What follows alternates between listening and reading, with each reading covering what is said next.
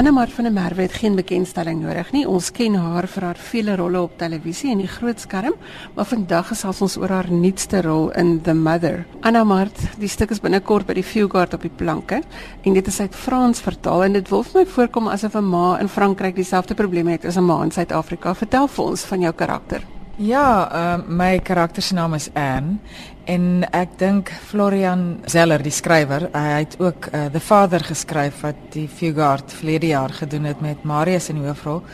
Um, ek ek dink dat hy as jy vra oor 'n ma en 'n ma se probleme in Frankryk en ma se probleme in Suid-Afrika, ek dink dat Florian Zeller baie mense sê die twee stukke werk saam. Hy het eintlik the mother voor the father geskryf 'n goeie 4 jaar voor dit. En ek dink met albei stukke kyk hy uh, baie uniek en spesifiek vir my ja aan die hand van twee karakters wat twee spesifieke emosionele uh, belewennisse het. Die pa wat sukkel met 'n uh, dementia Alzheimer's probleem. Hier het ons the mother um, wat hy vat na 'n periode van menopause die Leones um, syndroom uh, depressie en maar dat hy dit kyk eintlik vir my baie wyer as net dit. Uh Zeller kyk vir my na die menslike kondisie, uh, sou ek sê. En vir my as jy sê 'n ma se probleme hier, ma se probleme in Frankryk absoluut. Daar's daar's 'n ding aan moederskap ehm um, wat baie uniek is uh baie emosioneel wat meeste en nie net ouers nie ons as kinders ook. Jy weet dis wat ek voel as jy ooit in 'n familie was of jy het 'n ma gehad ehm um, dis 'n tipe stuk wat jy onmiddellik aanklank mee sal vind en verstaan die reis waar verras sal wees in sekere stadiums wat Zeller doen met die ma en met die mense om haar in die reis waarop hy vat. Maar maar ek dink jy weet dit, dit gaan vir my weier dan net oor dit dit gaan vir my na hy kyk na die mens en hy sny vir my die mens oop aan die hand van 'n karakter en aan die hand van van die vader se karakter, maar hy sny vir my weier dan net die spesifieke gegewe van hierdie mense met 'n spesifieke emosionele situasie waarin hulle self bevind. Hy sny vir my weier oop en kyk, hy kyk vir my na waarheid en leuns. Hy kyk vir my na liefde, die smag na liefde, die verlange na liefde, na onvervuldheid hoe ons verby mekaar praat, hoe ons nie kommunikeer nie en waar en ek, ons weet dit tog almal dat meer dan enigiets jou vriende kan jou kies, maar in 'n konteks van 'n familie kom al hierdie goeie so so baie sterk na vore en akut so. So ja, nee, ehm um, dit is 'n ma. Dit is 'n ma universeel. Die Evening Standard beskryf dit as a profoundly disorientating experience.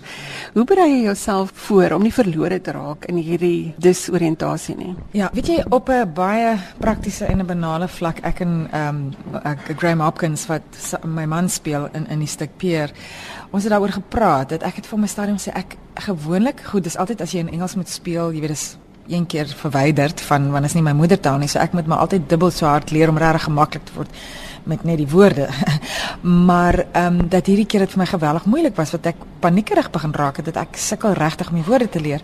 En wat hy vir my gesê, die manier hoe Zeller skryf, as jy praat van uh, gedisoriënteer, uh, dis hoe ons breine werk en hy hy stuur ons in hierdie labirint van gedagtes van hierdie karakters af maar dit beteken soos ek net gesê het waar jy 'n klassieke stuk musiek cinema uh, Chopin leer jy gaan vind die melodie melodie wat herhaal temas en goeie terugkom. So op 'n manier vind jy hakke en hoeke in die pianis mag dalk vir 'n paar uur korter moet sit en oefen om al om die bladmusiek te leer. Terwyl as ons daai selfe pianis 'n geweldige gekompliseerde postmoderne baie atonale stuk gee om te leer, gaan dit om 'n bietjie langer vat om te leer. Dit, dit jy weet daai raakpunte, daai deurlopende temas is nie so maklik om te hoor nie. En daar's herhalings en is klein variante op te herhalings en ek het dit nogal geweldig kompleks en, en moeilik gevind, maar terselfdertyd is dit nou maar net op jou agtersteewe sit en vir ure en ure en ure die